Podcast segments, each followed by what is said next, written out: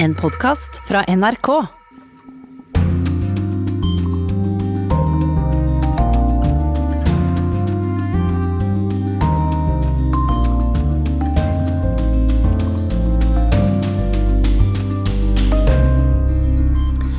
Velkommen til Urix på lørdag, i studio Øystein Heggen.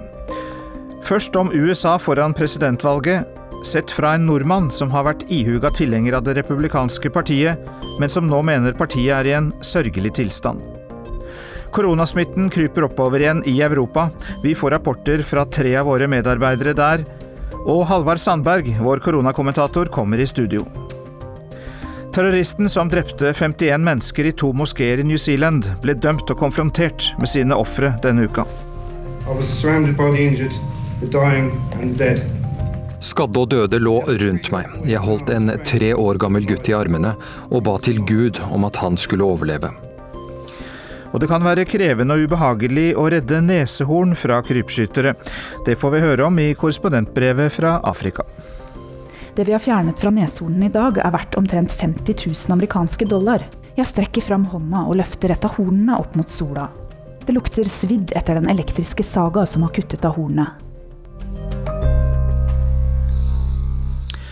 Og eh, ukas podkast handler om en kvinne som ga opp eh, Hviterussland og flyttet til Norge. Men først USA. Natt til i går takket Donald Trump det republikanske partiet for nominasjonen for en ny presidentperiode. Han sto foran Det hvite hus med nære støttespillere i hagen. and we will make America greater than ever before. I am very, very proud to be the nominee of the Republican Party. I love you all. God bless you, and God bless America. Thank you very much. Noen timer er gått etter republikanernes landsmøte. USA-korrespondent Veronica Westrin svarte dette på mitt spørsmål om hvordan talen oppsummeres i amerikanske medier. Dette var jo et Trump-show som forventet, med en nasjonalistisk undertone der man hyllet Trump og det han har fått til. Når det gjelder avslutningstalen til Trump, så ble jo den sett på som den viktigste han holdt i løpet av de fire dagene. Det er mange som syns at dette var en platt og kjedelig tale, og medier som CNN har jo faktasjekket den og funnet flere titalls eh, feil. Men så er det da konservative Fox News som roser talen og sier at Trumps sterke tale styrker sjansen hans til gjenvalg. De mener at han har holdt en av de beste talene gjennom sin karriere. En tale der han fikk fram kontrastene mellom han og Joe Biden. Den var lang, over en time, og mange har jo også ment at eh, den var nærmest som en State of the Union-tale. En tale der Trump skrøt av det han har fått til. Men så er det en annen Fox News-anker som mener at talen var flat og altfor lang. Det var Chris Wallace som kom med den dommen.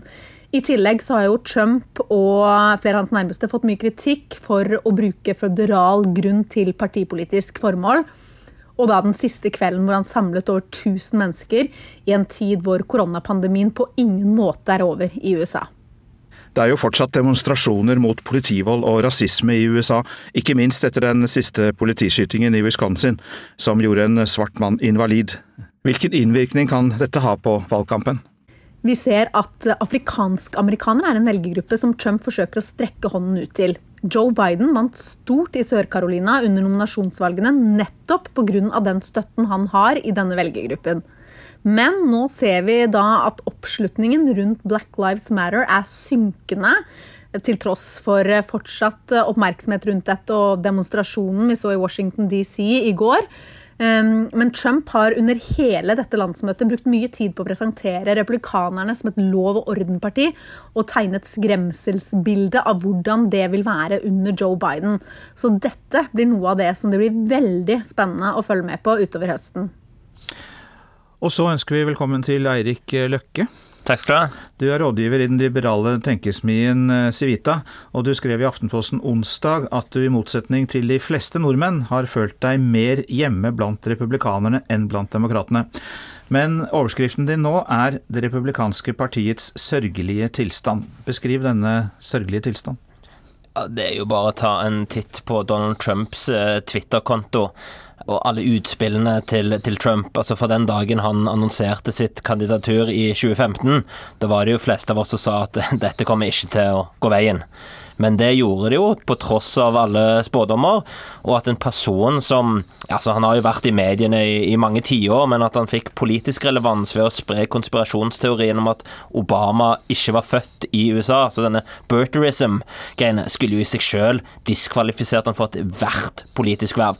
Og siden har det bare kommet så mye utspill hele veien. Han har jo dominert hver eneste nyhetssyklus siden han stilte til valg. Eh, og det er noe med at hadde det bare vært halvparten så mye, så hadde det antakeligvis fremstått verre. For man får ikke tatt inn over seg hvor, hvor ille det er. Så, så, tilstanden kan jo oppsummeres med, med Donald Trump, altså en reality-stjerne i, i, Det hvite hus. Og det at de som jeg følte meg hjemme altså konservative i USA, kunne falle for denne reality-stjernen, det, det er trist og sørgelig, rett og slett. Du blir med oss videre. Vi skal høre noen glimt fra landsmøtet som var sterkt preget av familien til Donald Trump. Først Donald Trump jr., som sammenlignet demokratenes presidentkandidat Joe Biden med sjøormen i Loch Ness, i Skottland altså. Det er et uhyre som i Bidens tilfelle stikker sitt hode opp av den politiske sumpen i hovedstaden Washington DC, av og til, i et forsøk på å bli president. Vi skal høre her. Joe Biden is basically the Loch Ness monster of the swamp. For the past half century, He's been lurking around in there. He sticks his head up every now and then to run for president.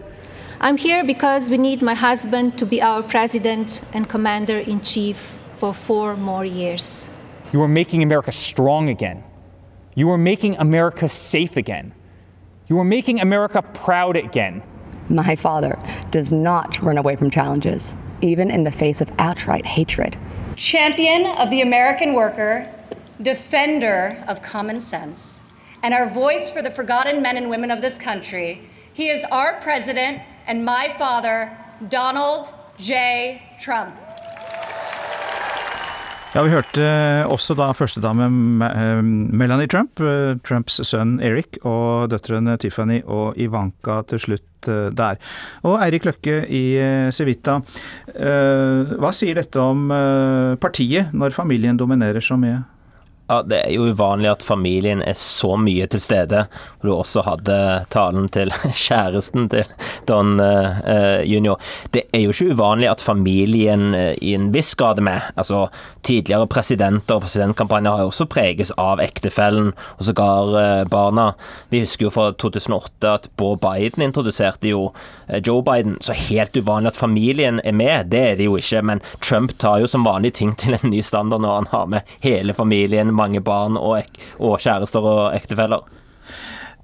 Men så er det da slik at uh, mange i partiet ikke protesterer mot ham, selv om uh, kanskje mange i det republikanske partiet har samme oppfatning som det du har. Hvorfor gjør de ikke det? Nei, altså de, de, Den beste måten å karakterisere det på for meg er jo grenseløs feighet og opportunisme. De vet at det koster. Vi har jo hatt eh, diverse representanter i Kongressen som de siste fire årene har tatt imot med det, og de er jo ikke i Kongressen lenger. Altså Jeff Lake, senator fra Arizona, Bob Corker, eh, som også var senator.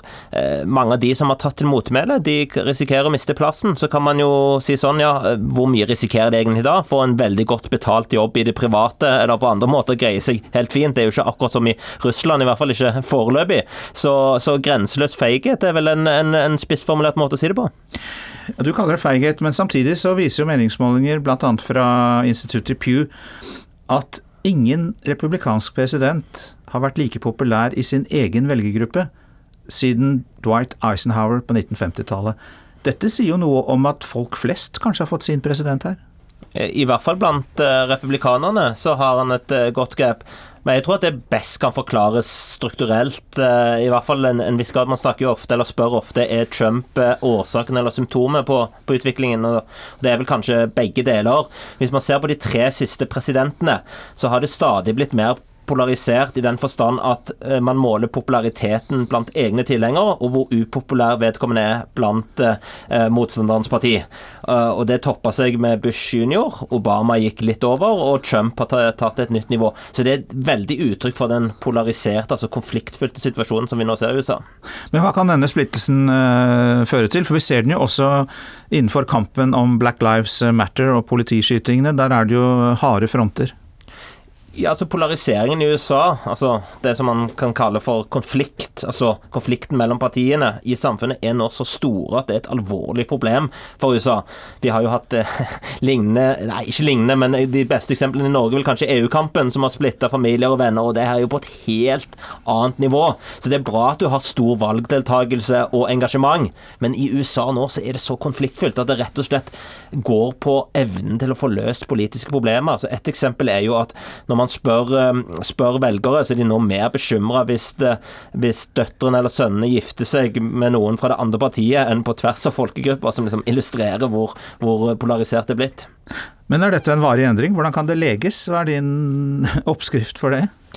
Det er et veldig godt spørsmål som veldig mange tenker på. Hvordan kan dette bli bedre?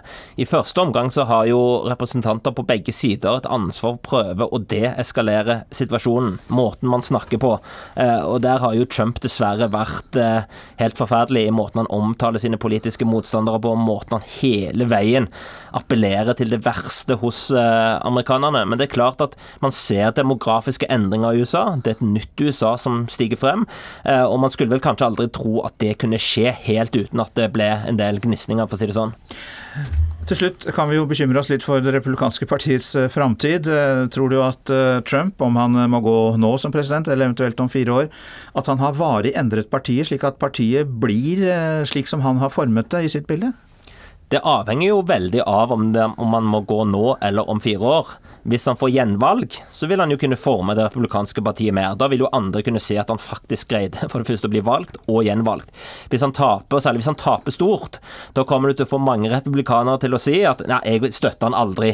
De kommer til å stå i kø for å distansere seg selv fra han. Så det er igjen grenseløs opportunisme som han kommer til å se. Så det, det gjenstår å se 3.11. Det vil si, hvis vi får svaret da, kanskje vi får svaret litt siden, men uav, altså avhengig av hvordan valgresultatet blir, så kommer det til å avgjøre det republikanske fremtiden fremtiden. Spennende for deg og meg og veldig mange andre som følger med på dette valget, som altså er 3.11. Hjertelig takk, Eirik Løkke, rådgiver i den liberale tenkesmien Civita.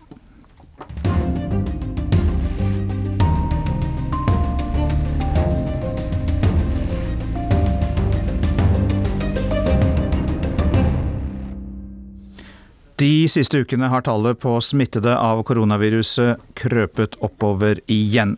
Flere land er blitt rødmerket av Folkehelseinstituttet. Tyskland bikket 20 smittede per 100 000 innbyggere denne uka. Og her advarer forbundskansler Angela Merkel. Ja, man muss damit rechnen, dass manches in den nächsten Monaten noch schwieriger sein wird als jetzt im Sommer. Wir alle haben ja im Sommer die Freiheiten und den re relativen Schutz vor Aerosolen genossen. Die sind möglich, das ist möglich durch das Leben draußen. Ja, hun advarer altså Merkel. Hun sier at vi følte en frihet i sommer som vi må legge til side nå. Vi må forberede oss på mer smitte utover høsten. Og derfor først til deg, korrespondent eh, Roger Severin Bruland i eh, Berlin. For alle er ikke like enige i at smitteverntiltakene strammes til. I dag er det protester der du er. Ja, jeg står midt i ei mølje her med politi og demonstranter som eh, demonstrerer mot en helt rekke ting. Det er jo menneskeretter og dyreretter og LGBT-retter og miljø og så er det jo den eh, store saken, da, at en eh, da demonstrerer mot alle koronasmittetiltakene i Tyskland. Eh, og det er jo ikke bare tyskere som er her. er jo et stort tog, opptog her fra Nederland. Her har jeg sett svensker og dansker. Og hovedparolen er vel det at folk her føler det at disse her tiltakene mot koronaviruset, det det har da gått inn på deres personlige frihet, og det må ta slutt. Og det er jo litt spesielt å se så mange tusen mennesker samle seg sammen ved Brandenburger Tårno uten eh, munnbind. Roger, du blir med oss videre. Bare følg med på det som skjer rundt deg. Halvard Sandberg er i studio. Du har fulgt koronaepidemien for NRK siden eh, starten. Hva forteller denne smitteøkningen oss? At folk er lei, ser det ut som. Eh, de har samme rådene som eh, gjelder, at eh, ta, alle smittevernrådene er der, men ikke de harde tiltakene. Og det er ikke nok. Det virker som folk Nei, jeg orker ikke mer. Og spesielt de unge. Og hvorfor blomstrer viruset opp? Protester og virus blomstrer opp samtidig her? Ja, altså Viruset blomstrer opp fordi at folk er slappe. Altså, Du vet du ikke skal sitte så tett sammen på den festen. Du vet du ikke skal gjøre det og ditt og datt. Og det har blitt dyttet hodet fullt av dette her i halvt år av ansvarlige folk. Og så er det bare veldig mange unge som ikke gidder mer, ser det ut som.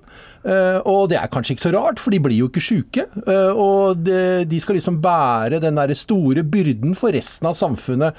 For å ta vare på de svake og uh, gamle, så skal de liksom ikke møte jenter eller gutter eller ta seg en øl. Og det virker etter hvert kjedelig og slitsomt. Philip Lote, du er i Brussel. Belgia, Frankrike og ikke minst Spania har smitten økt kraftig igjen.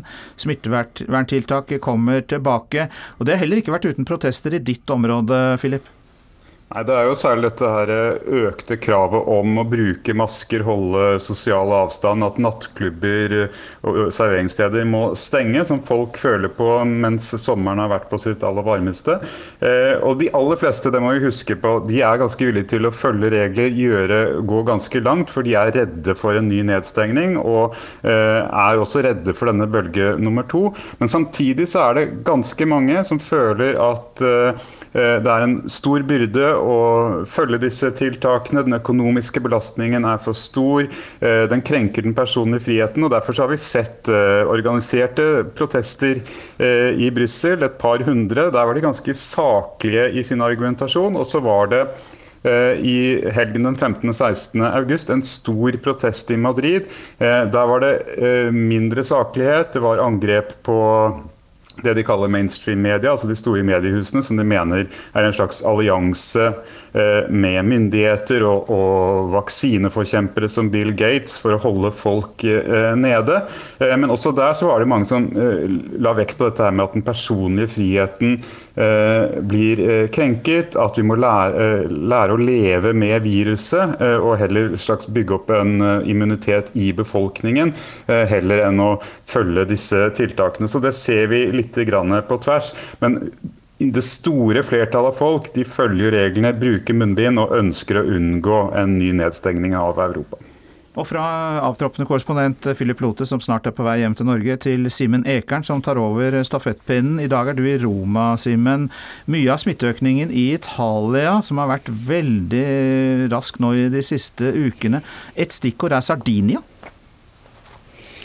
Ja, det er iallfall Sardinia folk snakker om og, og, mediene skriver om. Etter at Sardinia var en øy nesten ute uten smittetilfeller i hele vår og, og tidlig i sommer, så åpnet nattklubbene i august, til stor glede for mange festglade unge italienere som pleier å feriere, særlig da på nordøstkysten av Sardinia, et sted med ganske mange eksklusive diskoteker og, og nattklubber. og Det er der vi ser eh, smitteøkningen eh, de siste dagene. Nokså eksplosiv økning, og nesten utelukkende da knyttet til en del av disse veldig eh, kjente nattklubbene. Så disse har vært symboler på en sånn bekymringsløs festing i mange år, ikke minst under Silvio Berlusconis eh, høyde Silvio Berlusconis storhetstid. Og, og, det vi ser nå, er at festinga har vært for bekymringsløs til, til enormt sinne fra, fra, andre italienere. Og Vi går tilbake til eh, Halvard Sandberg her i studio. Hvor lenge skal denne pandemien rive og slite i oss? Nå blir det sagt at uh, vaksinene kommer på slutten av dette året, uh, men ikke noe særlig kvantum. Men de store 100 millioner dosene, milliarder av doser, kommer nok til å bli produsert opp løpet av vårparten. Slik at veldig mye tyder på at uh, i hvert fall den rike del av verden har vaksinert seg på denne tiden neste år, hvis det går bra. Men nå er det så mange vaksinekandidater at en av dem burde stemme. Så har du alle de fattige rundt omkring i verden som det jobbes hardt med for at de også skal få tilgang. Men uh, verden er slik den er, Øystein. Slik at uh, vi, uh, så alle de som klager nå, vi er nok ferdig med dette her om et års tid. Ser det ut til. Roger Severin Bruland ved Brandenburger Tor i Berlin, tilbake til deg helt kort. Hva er grunnen til at det har blusset så veldig opp i Tyskland, smitten? Ja, det er jo litt sånn som i Norge. Folk har begynt å reise på eh, ferie, eh, også til utlandet i sitt eget land. Og selv om eh, nattklubbene i det store og hele har vært stengt, så har jo folk flomma ut i parkene og ut i innsjøene, spesielt her i Berlin. Og selv om viruset ikke er så smittsomt utendørs, blir det tettpakka nok opp på Nordsjøen, på strendene der og på innsjøene her og i parkene. Det er jo snakk om 50 000-100 000 festglade ungdommer hver helg som strømmer til parkene og har fest, så vil eh, smitten eh, uvergelig øke. Eh, det er bare sånn det er. Men eh, Halvard Sandberg her i studio, du eh, vinket til meg for noen sekunder siden. Eh, det er altså ikke så sterk økning i Tyskland, sier du, men det er jo blitt rødt dette landet. Det er derfor vi, vi, vi driver og reagerer og, og, og, og slår opp varselplakaten. Det er helt riktig. Tyskland etter en lang, lang økning, svak økning, gikk over i rødt denne uken. Men de er på et platå nå. Hvis de greier å holde det at tiltakene holder i Tyskland, så er Tyskland på et ganske fint sted. De, det er Italia, Frankrike og Spania som ikke ser ut til å greie å bremse i det hele tatt. Nei, for at Italia gikk jo i løpet av få dager, så vidt jeg kunne se, fra nærmest 10 per 100 000 smittede til nå er det nesten 20. Kanskje det er blitt 20 nå mens vi har sittet her? Nei, det er 19,4 nå, men er, eh, i morgen så går de over 20. Ja. Hvorfor, eh, hvordan er, helt kort til slutt, hvordan er Europa sett i forhold til resten av verden?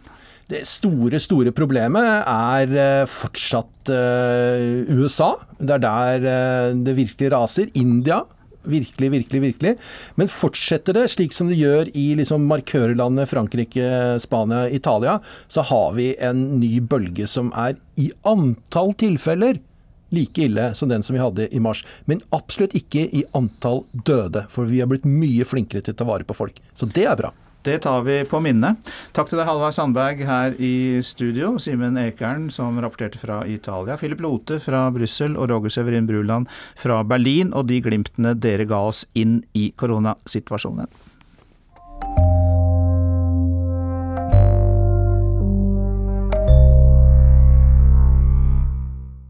Nå til New Zealand. Terroristen bak moskémassakren i fjor ble i denne uka dømt til livstid i fengsel uten mulighet for prøveløslatelse. Tungt bevæpnet med automatvåpen stormet Brenton Tarrant to moskeer i Christchurch og drepte 51 muslimer i mars i fjor. I den fire dager lange rettssaken ble han for første gang konfrontert med ofrene.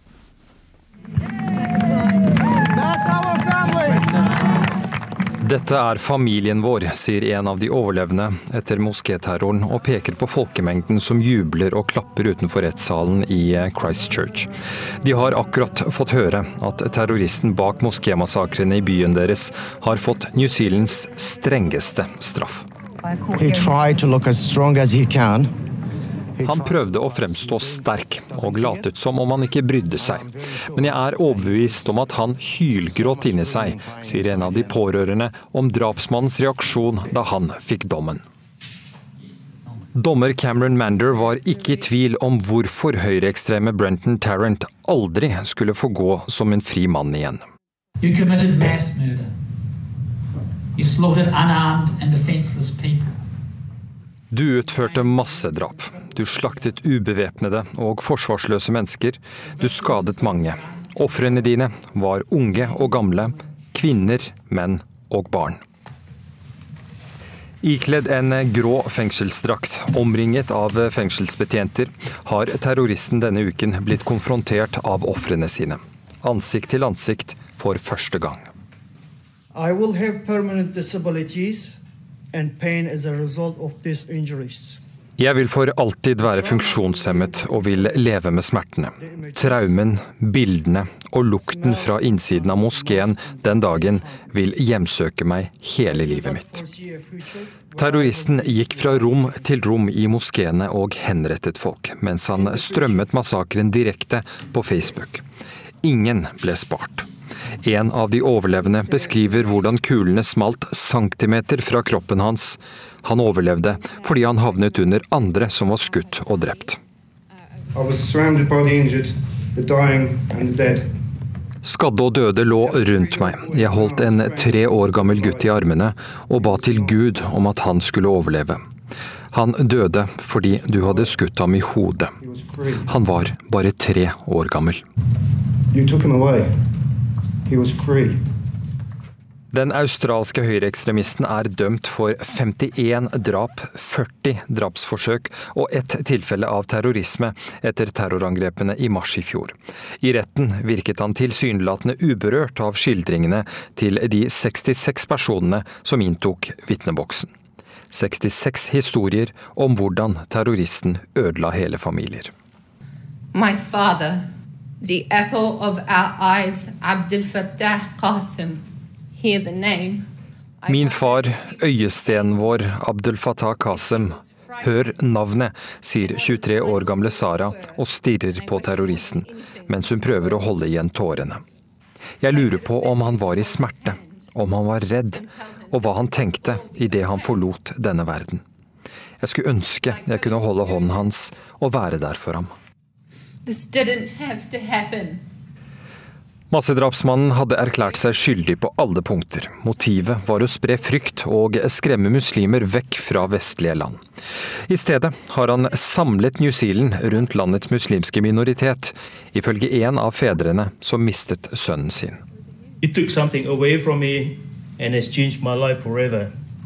Du tok noe fra meg og forandret livet mitt for alltid med muslimhatet ditt. Men du lyktes ikke i å spre hat og skape splid i samfunnet vårt. Du har faktisk klart å bringe landet og folket tettere sammen. Reporter var Yama Wolasmal. Det er eh, litt over 27 000 nesehorn igjen i verden i dag. Sør-Afrika har 80% av dem, men der blir mellom 600 og 700 drept av krypskyttere hvert år. NRKs korrespondent Ida Titlestad Dalbakk har møtt en ildsjel som beskytter nesehornene. Det er mørkt utenfor vinduene i spisestua til Pelham Jones. En gedigen, utstoppet vannbøffel stirrer ned på meg med svarte glassøyne. Hornene lager lange skygger på tømmerveggene. Hvorfor går du alltid med pistol, spør jeg. Pellem smatter på en stor munnfull av kjøttgryta han har laget til fotograf Fernanda Blasquez og meg. Den består av antilopearten impala, poteter og krydder. Pistolen i beltet kommer til syne når han strekker seg etter skålen med hjemmelaget mangochutney. Du kommer til å forstå hvorfor jeg går med pistol etter å ha tilbrakt to netter her, sier Pelham. Den hvithårede mannen med bart og beige safariskjorte har levd et langt liv på reservatet som ligger ved byen Brits nordvest i Sør-Afrika. Pellem vil ikke si hvor mange neshorn han eier, i frykt for at krypskyttere får fatt i informasjonen. Han forteller hvordan kampen for å bevare dyrene stadig blir farligere, og særlig som følge av pandemien. Mange har blitt arbeidsledige og er desperate etter å tjene penger. Pelham har sett en kraftig økning i ulovlige feller som er satt ut i reservatet hans, og han er sikker på at flere vil forsøke å drepe større dyr når samfunnet åpner mer opp. Pga. denne konstante trusselen har jeg trent opp mine ansatte, slik at de vet hva de skal gjøre når krypskyttere tar kontakt med dem, sier Pelham. De skal si at de synes jeg er en fæl sjef, og at de vil samarbeide mot betaling, ved bl.a. å slippe inn krypskytterne om natten. Når krypskytterne så kommer innenfor porten, står Pelham klar med politiet for å arrestere dem. Problemet er at politiet selv har vist seg å være involvert i den ulovlige virksomheten. Pelham tørker barten med en serviett og ser ut i mørket utenfor huset. En bekymret fure dukker opp i pannen når han snakker om hvordan politiet noen ganger er med på å drepe neshorn. Det skjedde forrige gang han sto klar ved porten for å arrestere krypskyttere. Da han lyste lommelykta inn i bilen som hans egne sikkerhetsfolk hadde sluppet inn, satt en lokal politimann i passasjersetet. Føreren av bilen var en velstående mann som eier en gruve i samme område.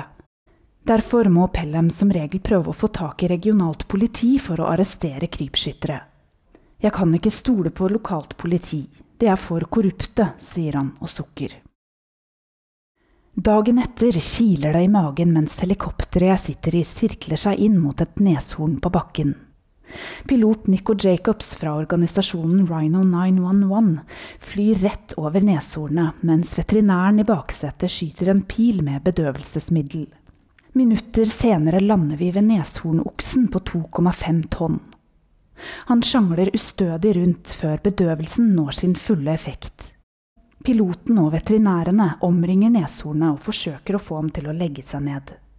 Jeg står et par meter unna sammen med fotografen, som vil fange de beste bildene. Det er uvirkelig å stå så tett på det enorme dyret. Det er som å se et pust fra fortiden, en levende dinosaur. Brått får jeg erfare at vi i høyeste grad er i nåtiden. Neshornet bruker sine siste krefter til å angripe, og løper mot fotograf Fernanda og meg i full fart. Kanskje vet den at den skal bli utsatt for noe som er naturstridig. Jeg beiner inn i buskene så strå og kvist fyker til alle kanter. Så snubler jeg i en stor stein og lander på magen. Heldigvis var neshornet såpass bedøvet at det ikke klarte å løpe langt i min retning. Jeg puster lettet ut og ser ned på buksebeinet som har fått et stort hull. Det blør fra kneet, og smerten iler gjennom leggen. Jeg humper meg opp på to bein, for jeg vil ikke gå glipp av det som skjer foran meg. Veterinærene dekker til dyrets øyne og ører. De hjemmelagde øreproppene er på størrelse med tennisballer og var en gang veterinærens brune og hvite fotballstrømper. Så skjærer de av hornet for å gjøre oksen mindre attraktiv for krypskyttere. Organisasjonen Rhino 911 har hatt stor suksess med metoden. Krypskytterne har holdt seg unna 98% av dyrene som har fått fjernet hornene sine. Likevel er det noe vemodig ved å se en 2,5 tonns neshornokse som får skåret av hornet sitt. Tunge pust blåser gjennom neseborene og får støvet til å fyke på den brunrøde landeveien. Det høres ut som en hval som hiver etter pusten. Jeg står stille noen meter unna og tenker at vi er heldige som fortsatt har disse dyrene. Samtidig er det så tragisk at vi må gjøre dette for å bevare dem. Helikopteret letter over hodene våre for siste gang i dag. I reservatet er tre neshorn på beina igjen. Pelham setter seg i førersetet på Land Roveren, og jeg åpner bildøra for å sette meg i passasjersetet. Der ligger det fire små klumper. Det vi har fjernet fra neshornene i dag, er verdt omtrent 50 000 amerikanske dollar, nå skal vi ta DNA-prøver og legge dem i en safe, sier Pellem. Jeg strekker fram hånda og løfter et av hornene opp mot sola. Det lukter svidd etter den elektriske saga som har kuttet av hornet. Biten er laget av omtrent det samme som finnes i neglene og håret mitt, men selges i land som Vietnam og Kina, der det bl.a. brukes i tradisjonell asiatisk medisin. Det er ikke til å forstå at det jeg holder i hånda, er en av verdens dyreste handelsvarer. Tilbake på lodgen er sola i ferd med å gå ned på klisjéaktig afrikansk vis. Elva nedenfor huset er farget oransje i solnedgangen. På en stein ligger en krokodille og får med seg dagens siste stråler. Jeg har ikke noe valg hvis jeg vil fortsette å bo her og tilby safariturer til turister, sier Pelham. Jeg må fortsette å kjempe for å ta vare på dyrene mine. Men det kommer ikke uten en pris. For når det blir mørkt, trekker han et flere meter langt hvitt sikkerhetsgitter foran inngangen til huset. Så ønsker han god natt og går inn på soverommet. Der har han en knapp som varsler sikkerhetspersonellet dersom noen bryter seg inn. Vinduene på soverommet er laget av samme materiale som på et fly. De kan ikke knuses og er skuddsikre. Når Pelham legger seg, er ikke pistolen langt unna. For en neshorneier i Sør-Afrika må alltid være forberedt på det verste.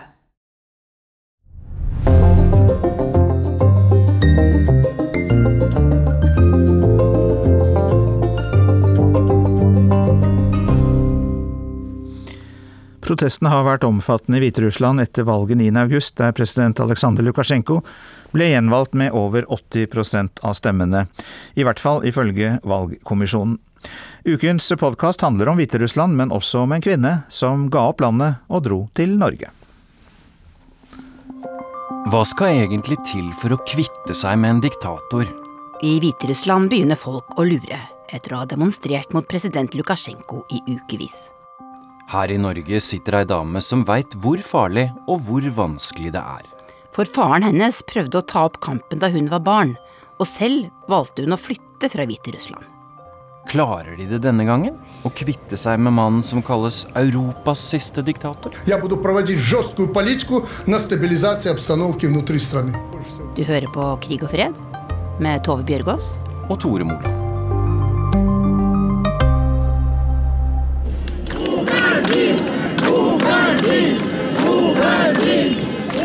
Stolt. Jeg er veldig stolt eh, av de. De har fått til noe som eh, Hviterussland ikke har opplevd på ja, kanskje aldri i sin historie. De har fått i gang det engasjementet som manglet. Og for 15 år siden, før jeg kom til Norge, så har de fleste mennesker vært redde for å snakke om Lukasjenko, redde for å snakke om sine politiske preferanser. Det var liksom et ikke-tema. Man snakket ikke om politikk. Fordi det ble tatt for gitt. At det er ikke noe vits å snakke om det fordi det er uen, uten endring og uten håp. Men jeg tror ikke det finnes en eneste person i Hviterussland i dag som kan si at jeg er ikke interessert i politikk. Mitt navn er Daria Schutt. Jeg kommer fra Hviterussland. Jeg kom til Norge i 2005. Hva gjør du i Norge nå, Daria? Jeg jobber i Helsedirektoratet. mm. Hvor gammel er du? Jeg er 36 år og har studert i Norge. Hvordan vil du forklare de demonstrasjonene som har vært etter valget 9.8? At folk har fått nok. Jeg tror ikke at en sånn leder som Lukasjenko har gjort veldig mange feil i løpet av de 26 årene. Så ikke bare feil, men rene dumheter. Det siste var kanskje koronakrisen, hvor han først begynte han, snakket han om at korona ikke fins, fordi han ikke kan se det. Og man anbefalte å drikke sprit og kjøre traktor for å, for å bli frisk, eller for å ikke bli syk. Du sier folk har fått nok. Hva er det de vil ha i stedet, da? Jeg tror at mange vil ha bare noe annet. Det jeg tror jeg kanskje er fellesnevner noe annet enn Lukasjenko. En annen president. Kan du gi meg din beskrivelse av Aleksandr Lukasjenko, Darja, mannen som har styrt Hviterussland de siste 26 årene? Aleksandr Lukasjenko er 65 år. Er vokst opp uten far øst i Hviterussland. Som har vært veldig folkenær, eller fremsto som veldig folkenær, veldig populistisk, kan man si. Han snakker russisk, men med veldig tydelig hviterussisk aksent som eh, kanskje i enda større grad understreker at han er ikke fra hovedstaden, ikke fra en storby, men en sånn fra kolhos. Hva er kolhos? Kolhos er um, en slags statlig kibbutz. Et jordbrukskollektiv, rett og slett? Jord, ja, takk. Han var bestyrer i en sånn jordbrukskollektiv. Så folk assosierte seg med han på 90-tallet. Men um, jeg tror at de siste 26 år har bevist at han er veldig kverulant og hyklersk. Han er veldig lur, og ingenting han lover Altså Man, man kan ikke ta det for, for en god fisk. Под давлением президент не должен принимать решения. Президент должен найти компромисс, который всех устроит. Jeg er president. Jeg kan ikke ta avgjørelser bare fordi jeg er under press, sier Aleksandr Lukasjenko. Men du må finne noen kompromisser vi alle kan leve med, svarer en hissig fabrikkarbeider. Da presidenten besøkte traktorfabrikken i Minsk i forrige uke, kom han rett og slett i munnhuggeri med sinte statsansatte arbeidere. Og da han fløy derfra, ropte folk taktfast 'Kom deg vekk, kom deg vekk' etter ham og helikopteret hans.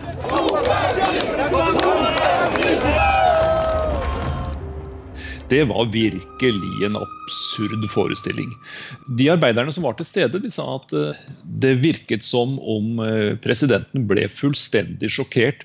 De mente at noe sånt hadde Lukasjenko aldri tidligere vært utsatt for.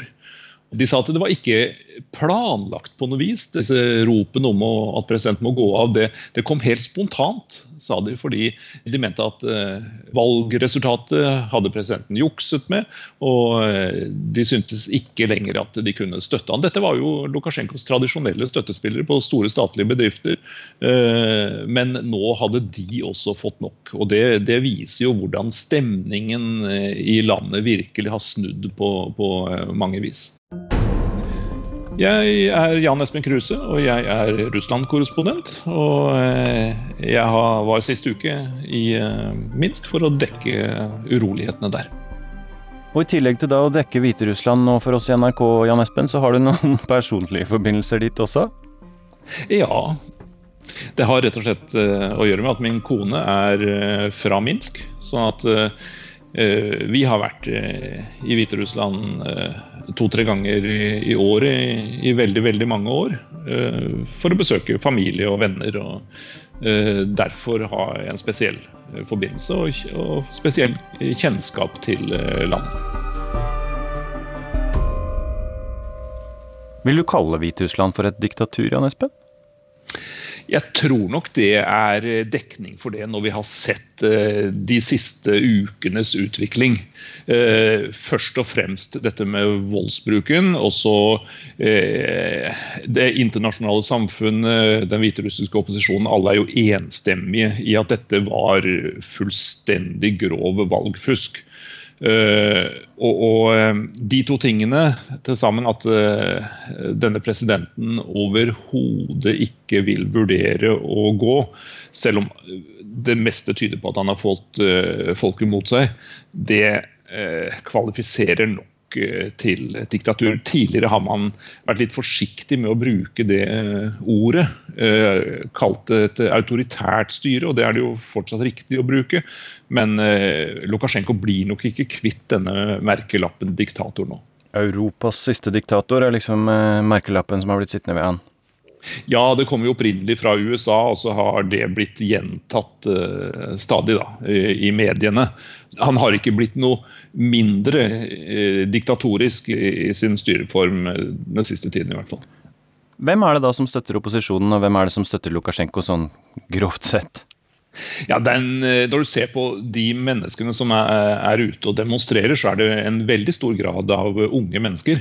Ungdommen som er godt orientert og som følger med, eh, de ser jo vestover til Vest-Europa og, og, mener at eh, man, man, vil ha større frihet, man vil ha muligheter eh, som man har i andre land, og som man ikke har i dette veldig tungt statsstyrte Hviterussland. Men, men, så er det spesielle den siste tiden, så har jo Lukasjenkos støttespillere, altså de som er ansatt i store statlige bedrifter som jo egentlig ikke er så veldig lønnsomme, eh, de går vel egentlig med tap, men eh, de opprettholdes fordi eh, det er viktig for Lukasjenko og hans oppslutning.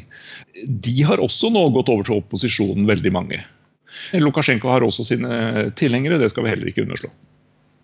Eh, det er mange pensjonister som er, de får sin lille pensjon, men er eh, takknemlige for at de tross alt får den. Og de snakker om at det er viktig med stabilitet i samfunnet. Folk ute på eh, landsbygda, det var de jeg snakka med der borte, sa. Og bare det ikke blir krig, sa de.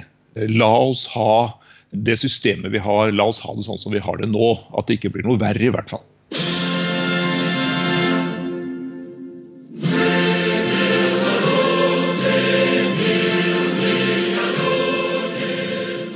Hviterussere er et fredelig folk, heter det i første strofe av nasjonalsangen.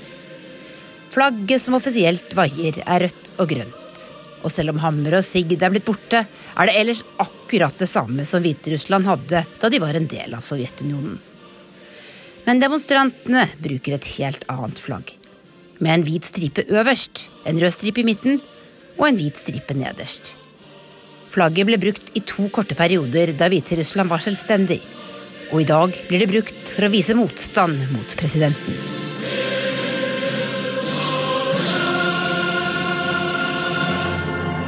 Jeg kan snakke bare om eh, det ene flagget. Og det er det hvitt, rødt og hvitt flagget. som har hengt i stuen hjemme hos oss i alle år. Um, det er det flagget som min far har um, hengt ut av uh, parlamentsbygget i 1991, når uh, Sovjetunionen ble oppløst. Så mens på taket var det grønt og rødt, eller rødt og grønt, så ut av det ene vinduet så hang det hvitt, rødt og hvitt flagg som pappa holdt. Det er litt sånn historisk bilde. Det første hvitt, hvitt, rødt, hvitt flagget som ble hengt på parlamentsbygget. Så det, det, hvite og det røde og det hvite flagget, det er det som på en måte fyller deg med nasjonal stolthet? Absolutt, ja. og det grønne og det røde, da? Hva sier det deg, liksom? Um, fusk. Eh, det er et ikke-flagg. Det er et flagg som um, som ingenting skjuler seg bak. Forbinder det mest med Lukasjenko nå. Darja Shut, du valgte altså å forlate hjemlandet da du var 20. Hva er din personlige historie? Som hviterusser. Min familie har ikke opplevd så veldig mye bra i Hviterussland. Både under, som en, ja, under Sovjetunionen og senere. Eh, under Sovjetunionen har eh, familien blitt fratatt eh, veldig mye av land og det de eide, og ble sendt til Sibir. Eh, min andre oldefar ble eh, henrettet og fikk stempel, eller hele familien fikk stempel som folkefiender. Og min eh, bestefar, altså nå er det andre verdenskrig, og når bestefar kom Han rømte fra fangerskapet i Tyskland, kom til, tilbake til Sovjetunionen og ble eh, mistenkeliggjort for å være tysk spion. Eh, og så den nyere historie, det er min far som var opposisjonell politiker på 90-tallet.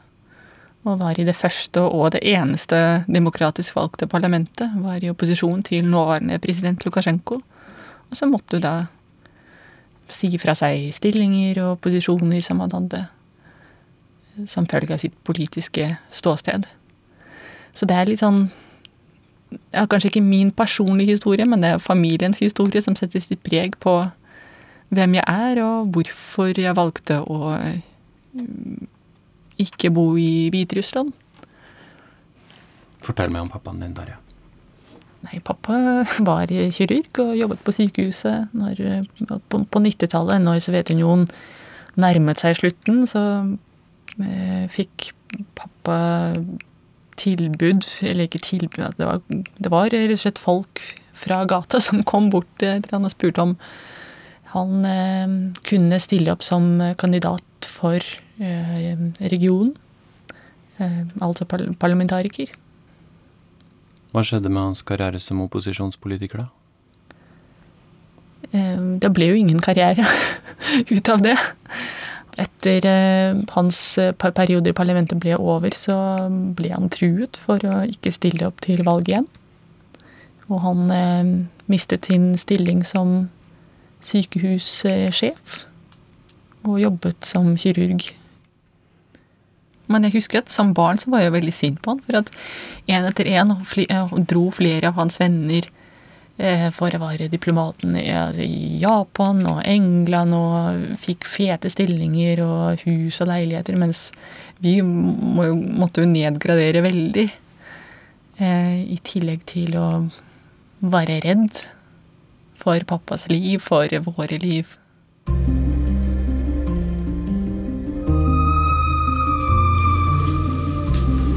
I think that every person in our country uh, feels fear and is scary now. Jeg tror alle hviterussere er redde nå. Men vår oppgave er å overvinne den frykten og komme oss videre, sier Svetlana Tikhonovskaja. But it's our mission to step over all our fears and uh, uh, move further. Hun rømte til nabolandet Litauen etter valget 9.8. Derfra forsøker hun å lede opposisjonen. Men hun har liten eller ingen politisk erfaring.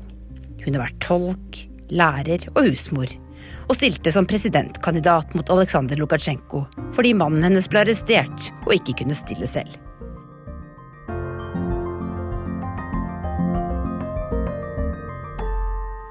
Mange sier at Svetlanas eh, styrke er i hennes svakhet. Oi, det må Mm. du forklare. De første talene Man kunne eh, se at hun var veldig nervøs, at hun snakket veldig med enkle, forståelige ord. At hun har en helt sånn vanlig livshistorie som mange kan assosiere seg med. En slags folkets røst, rett og slett. Ja. Hvor godt koordinert er opposisjonen i Hviterussland da, egentlig? Ikke organisert. Ikke Jeg tror at alle har hørt at det er eh, protest eh, uten leder. Uten en leder. Jeg tror det er riktig å si at eh, den hviterussiske opposisjonen ikke har noen sterk og klar ledelse. Tikhanovskaja er jo en eh, helt uten politisk erfaring. Hun oppfordrer til streik, hun oppfordrer til demonstrasjoner osv. Men eh, de helt store visjonene har hun ikke, og hun ikke, virker ikke som en sterk leder. Selv om eh, folk, hviterusserne mener at det er hun som vant valget, og ikke, ikke Lukasjenko. Men, men opposisjonen er ikke sterk. Den er ikke sterkt organisert. Og den eh, viser tegn på svakhet og ikke helt å holde styringen over det som skjer nå. Og det som nå har begynt å skje, er at eh, opprørspolitiet igjen er utplassert i byen. De skal såkalt forsvare, passe på krigsminnesmerker, men de er altså i gatebildet. Og så har man begynt å arrestere flere av opposisjonens eh, ledere. Og så har man arrestert eh, noen få av folk som har prøvd å, stille opp til nye demonstrasjoner. Men det ser ut som om Lukasjenko-regimet er i ferd med å kvele mye av det som skjer. Streikebølgen som de håpet på skulle bli svær, den har det ikke blitt noe særlig av. Og nå ser det ut som de kveler eh, demonstrasjonene sånn sakte, men sikkert. Lar de store markeringene gå, men i det stille eh, kommer inn i bybildet igjen og, og tar mer av kontrollen. Betyr det at du tror at Aleksandr Lukasjenko kan klare seg gjennom eh, denne protestbølgen, Jan Espen? Det er forferdelig vanskelig å svare på. Altså, eh, det kommer helt an på om opposisjonen klarer å mobilisere og holde ut. Eh, Det ser jo ut litt for meg som om eh, president Lukasjenko har mer utholdenhet og mer aggressivitet.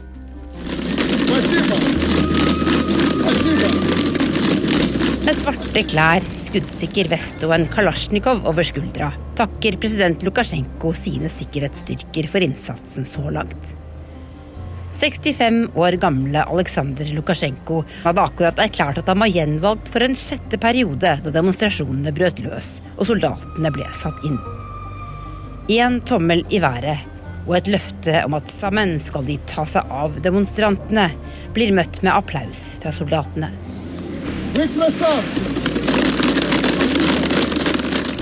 Vi skal ordne opp med dem, eh, sa han til politifolkene som var rundt. Og dem, det var da opposisjonen. Og oppe i helikopteret kalte han eh, folk som eh, støttet, som var med i demonstrasjonen på gata, han kalte dem rotter. Sånn at det, er fullstendig uten kompromiss. Det er ingen vilje til samarbeid, ingen vilje til å møte motparten. Han vet vel at eh, han eh, kan bli stilt for retten hvis eh, nye, nye ledere overtar i, i Hviterussland, og at en fengselscelle da kan være hans neste stoppested. Hva kan bli løsningen på denne situasjonen, da, Jan Espen? Ja, Det er jo bare to alternativer.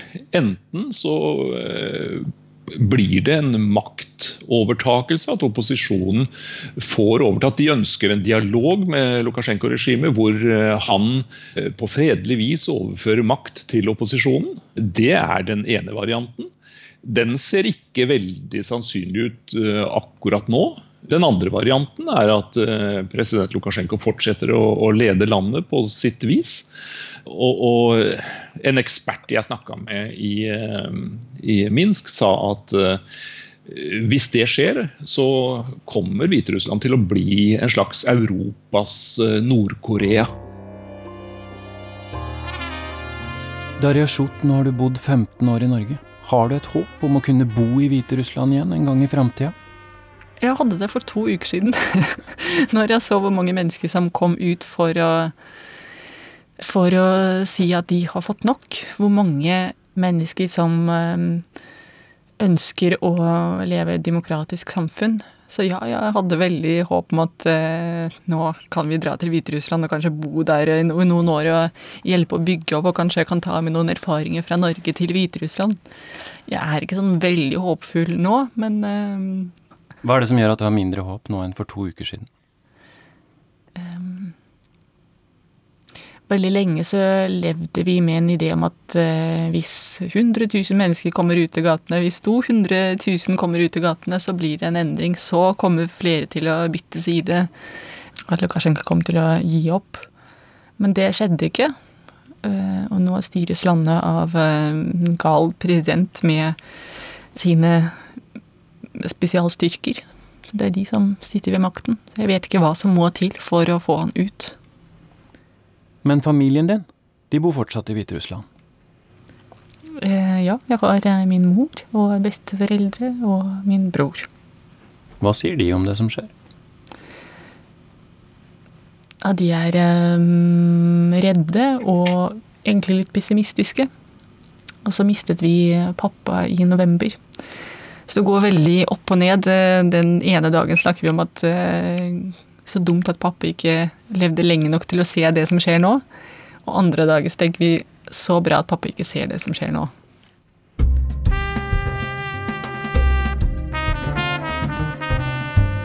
Du har hørt Krig og fred fra NRK Urix. Lydregien var ved Merete Antonsen.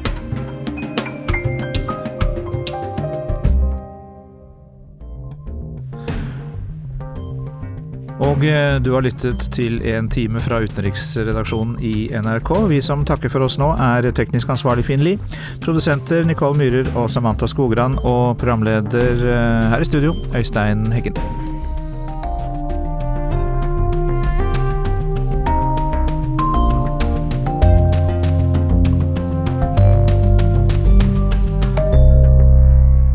Du har hørt en podkast fra NRK. Hør flere podkaster og din NRK-kanal i appen NRK Radio.